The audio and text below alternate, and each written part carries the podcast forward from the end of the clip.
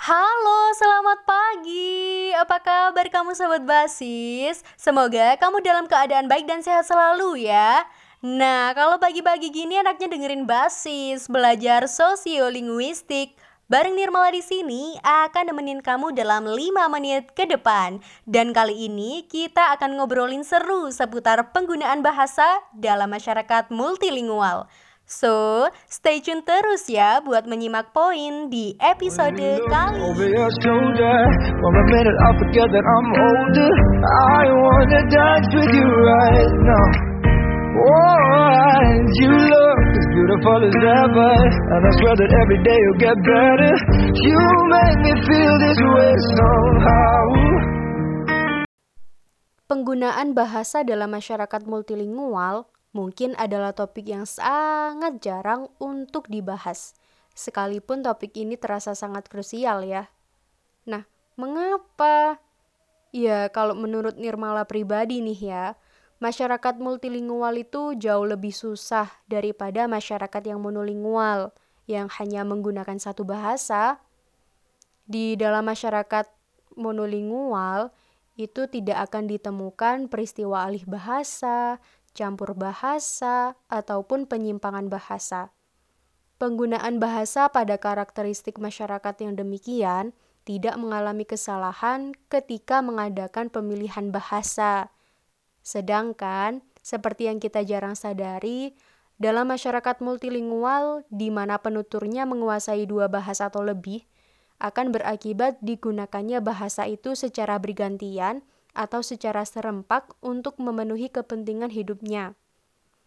Penutur bahasa pada waktu menggunakan bahasa kedua atau bahasa ketiga, dalam ingatannya terkadang tidak memperhatikan apakah kaidah bahasa yang digunakan itu sudah benar atau belum. Akan tetapi, yang paling diutamakan adalah tingkat kekomunikatifan penyampaian pesan atau maksud kepada pendengar. Nah, sedikit informasi nih mengenai penggunaan bahasa yang ada di masyarakat. Jadi, ada dua kategori yang harus kita tahu loh.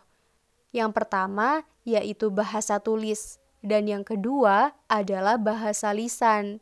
Jika dibandingkan dalam penggunaannya, bahasa tulis ternyata tidak sedinamis penggunaan bahasa lisan loh.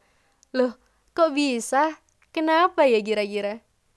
Ternyata bahasa lisan banyak digunakan dalam situasi yang berhadapan langsung dengan pendengarnya.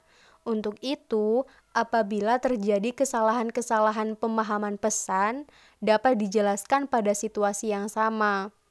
Bahasa lisan hidup pada interaksi sosial yang banyak ditandai dengan kekreatifan penciptaan kode-kode. Penggunaan bahasa lisan atau verbal oleh penutur tidak hanya digunakan untuk menyampaikan pesan-pesan seperti yang termuat dalam kata-kata, tetapi seorang penutur hendaknya memahami faktor-faktor lain yang mempengaruhinya, misalkan lawan bicaranya, situasi, topik pembicaraan, waktu, ataupun tempat. Bentuk bahasa yang telah digunakan akan berubah karena situasi, bisa jadi ya. Kemudian lawan bicaranya, topik pembicaraan, waktu, ataupun tempat. Contohnya gini, dalam transaksi jual beli misalnya, seorang penutur akan mengubah bahasa yang digunakan ketika topik yang dibicarakan berubah atau situasi yang digunakan berubah dan lain sebagainya.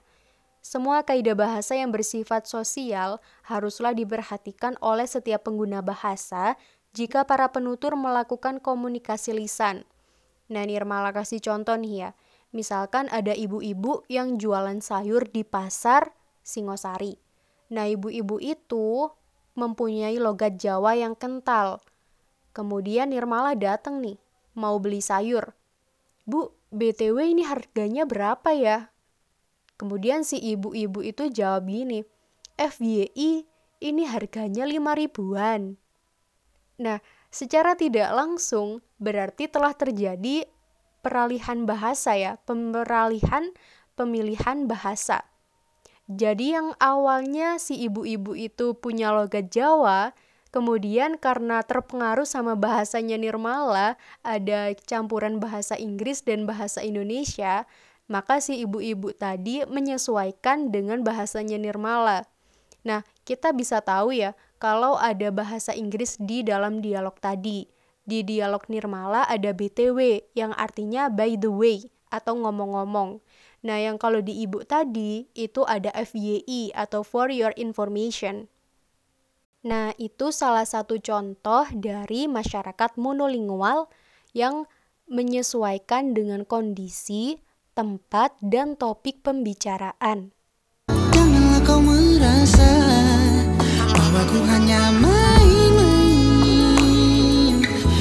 dengarkan Oke, sekian dulu ya untuk episode kali ini. Di episode berikutnya, kamu akan ditemenin sama Iza. Sampai jumpa.